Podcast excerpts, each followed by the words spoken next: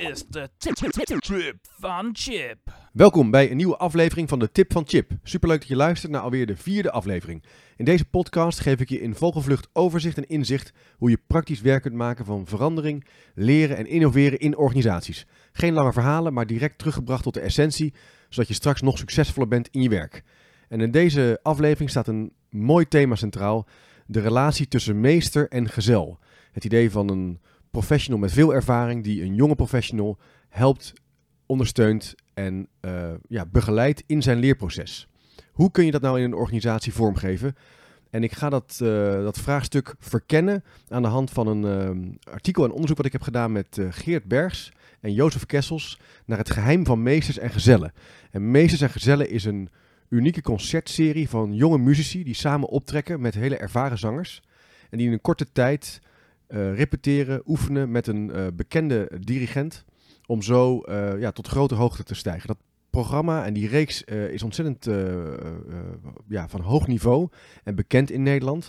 En er zitten heel veel mooie leerperspectieven in verscholen. Waar ik het in deze aflevering over wil hebben. Zodat je die kan doorvertalen naar je eigen praktijk. Nou, heel kort over meesters en gezellen. Het, is het doel is dus om jonge muzici op te leiden om solist of dirigent te worden, om dus te leren zingen. Uh, en het tweede doel is ook om die jonge zangers te laten ervaren hoe ze in een ensemble, dus in een groep kunnen zingen. En hoe dat zich relateert aan, tot hun eigen solistencarrière. Uh, je zou kunnen zeggen dat gaat, gaat over zingen en over muziek maken, maar er speelt eigenlijk nog veel meer. Het gaat ook over je netwerk vergroten en in een uh, project en in een uh, kort, kortdurende samenstelling van professionals je leren te, te bewegen. En de vraag is, hoe doe je dat nou eigenlijk?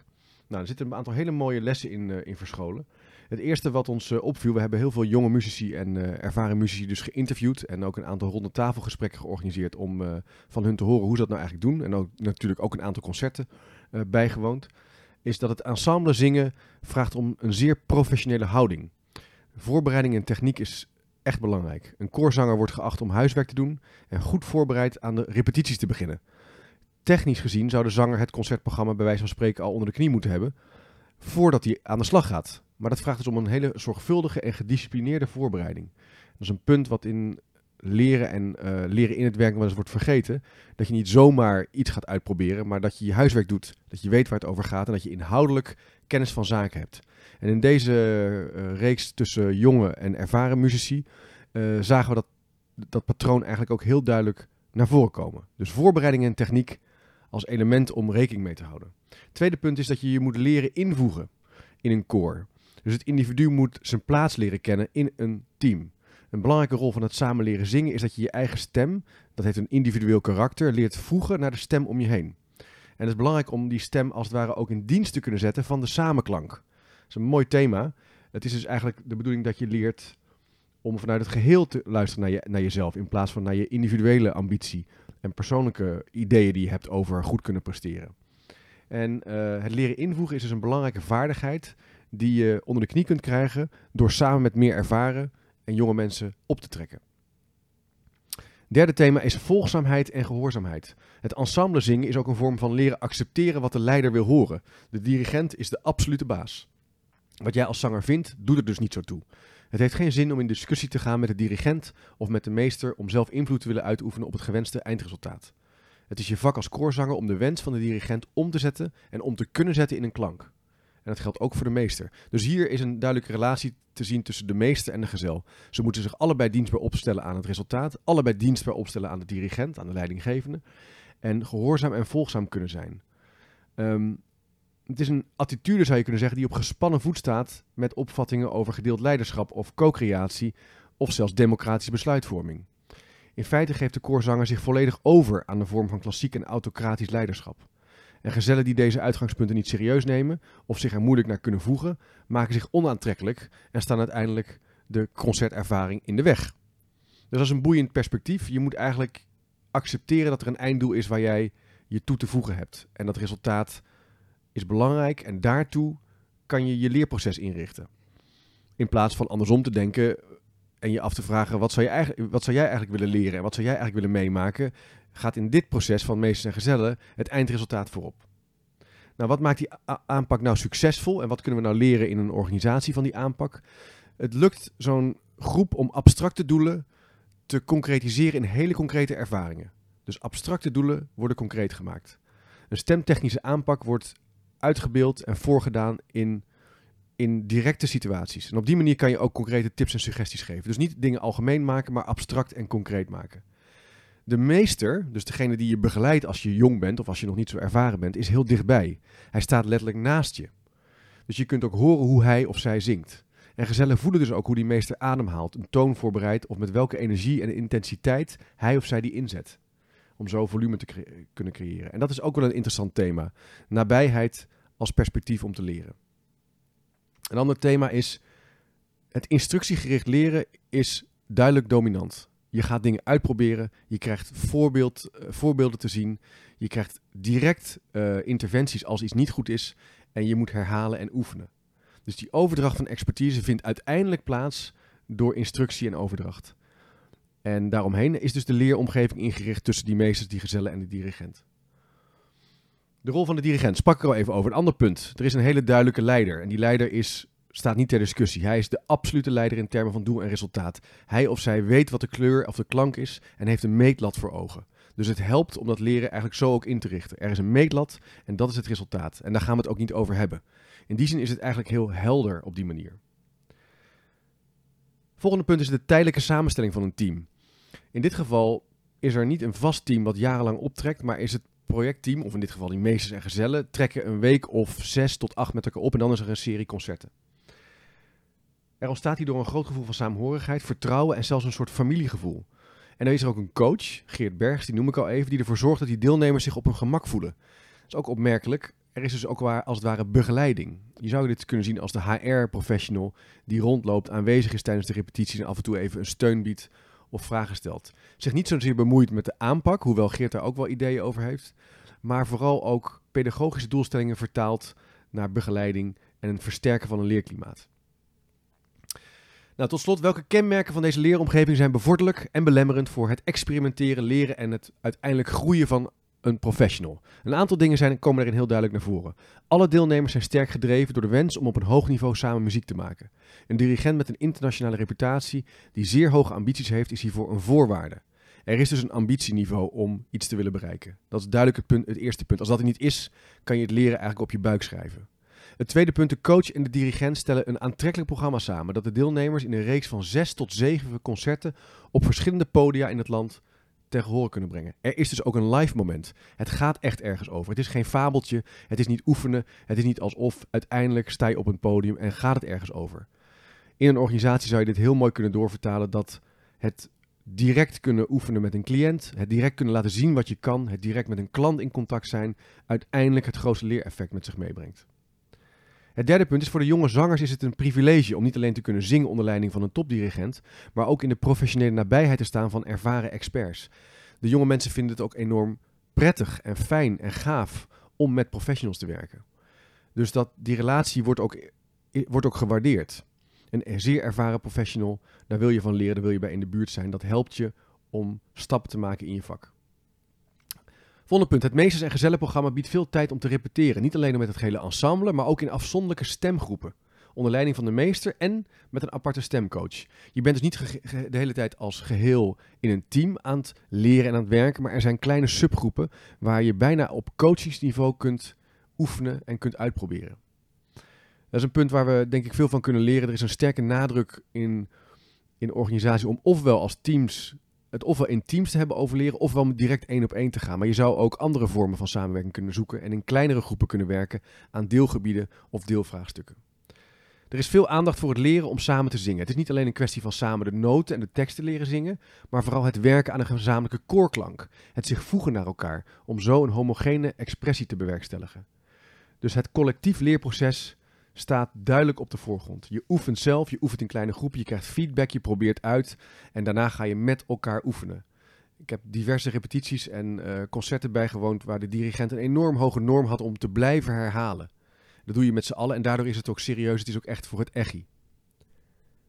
Je zou zelfs nog verder kunnen gaan en kunnen zeggen: het gaat om het leren samen ademen. De bewustwording van een gezamenlijke ademhaling, dat van elkaar opmerken en je ernaar voegen en er deel van gaan uitmaken, is een belangrijk kenmerk van het ensemble zingen op hoog niveau. Er is als het ware een ritme in een organisatie, een proces wat je moet kunnen leren kennen.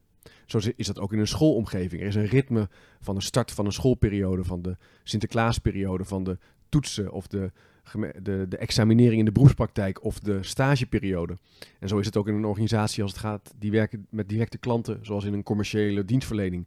Waarin je weet, dat zijn de momenten dat het erom gaat. Dat moet je als het ware kunnen leren kennen. Je moet je als het ware ertoe kunnen verhouden.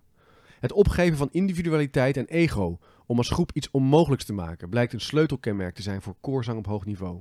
Dit aspect lijkt op gespannen voeten te staan met de kenmerken van een moderne beroepspraktijk, waar het individuele talent vaak juist centraal staat. Het is heel interessant, het idee dat er een doel is wat bijna niet te bereiken is, maar waar je toch naartoe wil bewegen. Het is een sleutelkenmerk. Je kunt daardoor ook ontzettend veel maken naar professionals toe als er een doel is waar je naartoe wil, wat de moeite waard is, wat bijna emotioneel je in vervoering brengt. Dat zingen geeft een soort kick en een soort rush. En al die jonge mensen geven dat aan. Daar wil ik bij zijn, daar wil ik bij in de buurt zijn. Het gaat niet alleen om het bereiken van het einddoel, maar dat je er naartoe aan het gaan bent. Nou, allemaal kenmerken die bevorderen. Maar wat belemmert nou? Er zijn een aantal hele duidelijke dingen die belemmeren. Het komt voor dat meesters zich gaan gedragen als tweede dirigenten.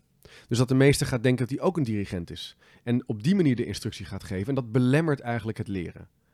Hierdoor ontstaat er een spanning tussen de geaccepteerde hiërarchie. In de, uh, in de geaccepteerde hiërarchie die de muziekpraktijk uiteindelijk zal ondermijnen. Het komt ook voor dat een dirigent aangeeft dat hij niet tevreden is en dat een bepaalde passage bijvoorbeeld anders moet klinken. Uh, dat kan tot frustratie leiden, omdat de dirigent niet altijd een duidelijke oplossingsrichting heeft. Hij kan dat doel zien, maar het vraagt begeleiding om het te kunnen vertalen naar de wensen en het kunnen zingen. En daar speelt die meester weer een belangrijke rol in. Dus er kan best wel een einddoel zijn. Dat kan worden opgegeven door een directeur of een teamleider. Maar als een jong iemand iets wil leren, vraagt dat directe begeleiding van een professional die veel kennis van zaken heeft. De repetitieperiode is erop gericht om de gewenste interpretatie en het, hoog uh, het doel te bereiken van die dirigent. Het is eigenlijk een voortdurend proces van moeilijk te uiten wensen, waarop de zangers zoekend reageren met klank en de dirigent en ook de meester moeten als het ware doorgaan tot er een resultaat is. Maar dat kan soms best wel leiden tot harde en directe feedback. En dat kan soms voelen als kritiek. En die kritiek kan zo gespannen zijn dat je als het ware dichtslaat. En dat moet je kunnen balanceren. Uh, dit gaat dus ook wel in een organisatie zeker op dat feedback soms enorm binnen kan komen bij jonge mensen die nog onzeker zijn of zoekende zijn. Dus het gaat er ook om om het vermogen te hebben om opbouwend en scherp te zijn over wat je ziet en tegelijkertijd iemand niet kwijt te raken. Nou, wat kunnen we er nou van leren als we in organisaties hiermee aan de slag willen? Als jij nu straks denkt, ik wil wat met dat meesters- en gezellen proces. Nou, als eerste, zoek een hoger doel. Het meesters- en gezellenprogramma biedt getalenteerde muzici uh, die zich alle committeren aan een hoger doel. Die willen iets wat op hoog niveau te realiseren is. Het maakt dat feedback, oefenen, kritisch zijn op de kwaliteit niet ter discussie staat. De aspecten van een gezamenlijk hoger doel en de beperkte werking van een gekozen hiërarchie zijn zeker de moeite waard om in een arbeidsorganisatie verder te verkennen. Tweede punt, benut professionele autonomie. Elke zanger bezit een grote mate van professionele autonomie en expertise die nodig is om een gezamenlijk doel te kunnen halen. Die expertise is belangrijk. Het meest gezelle proces kan bestaan omdat alle deelnemers dit een betekenisvol programma vinden, waarin zij zich autonoom gezien in kunnen voegen. Het doel is niet opgelegd door iemand die niet actief participeert in de uitvoering. Het gaat echt om die mensen. Zoek naar de schoonheid en esthetiek in het dagelijks werk. In het gezamenlijk optreden, het repeteren, het leren is in de grote mate van schoonheid en esthetiek een gevoel van: wauw, dit concert gaat echt ergens over. Je ondergaat iets moois. Er zit ja, schoonheid in. En het klinkt bijna als een roes. En deelnemers noemen dat ook zo. Een soort gevoel van: dit is kicken. Het zou een kunst zijn om dat ook in arbeidsorganisaties te organiseren. Vierde punt is, je mag het lat best hoog leggen. De dirigent bepaalt een zeer hoog doel. En dat doel mag ook hoog zijn. Je mag ook keihard willen werken. Je hoeft niet altijd te bereiken. Maar leiderschap gaat er niet alleen uit vanuit om te kunnen enthousiasmeren, maar ook vanuit je expertise een gezamenlijk gedragen ambitie uit te spreken. En daar zonder compromis naartoe te werken. En het laatste punt is organiseren een prettige werkomgeving. Het is opmerkelijk dat de deelnemers heel veel baat hebben bij een coach die aanwezig is tijdens de repetities. Die ze helpt dat er uh, de, de, ja, het vervoer is georganiseerd, dat er ondersteuning is, dat ze weten waar ze moeten zijn, dat er een lunch is georganiseerd. In die zin is een organisatie veel meer dan een werkplek, maar zouden we ook moeite moeten doen om het aantrekkelijk vorm te geven. Ik vergat er nog één, dat is de allerlaatste. Iedereen doet mee. 100%. Iedereen doet voor het echi mee. Als dat niet zo is, dan haken mensen af of worden ze eigenlijk bijna buiten de deur gezet. Dus het betekent dat meesnuffelen of kennismaken met het werk eigenlijk niet telt vanuit het meesters en gezellig principe. Het is volledig je committeren aan een einddoel en met alles wat je hebt instappen en meedoen. Nou, dat waren in een notendop de lessen die we kunnen halen uit het meesters en gezellen eh, ensemble zingen. Het geheim van meesters en gezellen. We hebben er een onderzoek naar gedaan vorig jaar. En in het voorjaar verscheen daar een eh, artikel over in Opleiding en Ontwikkeling.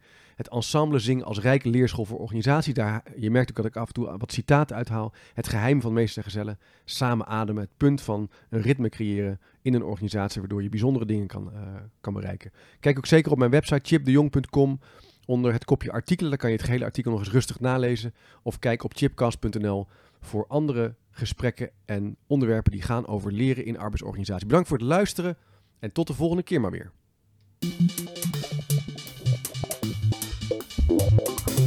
Dit is de trip van Chip.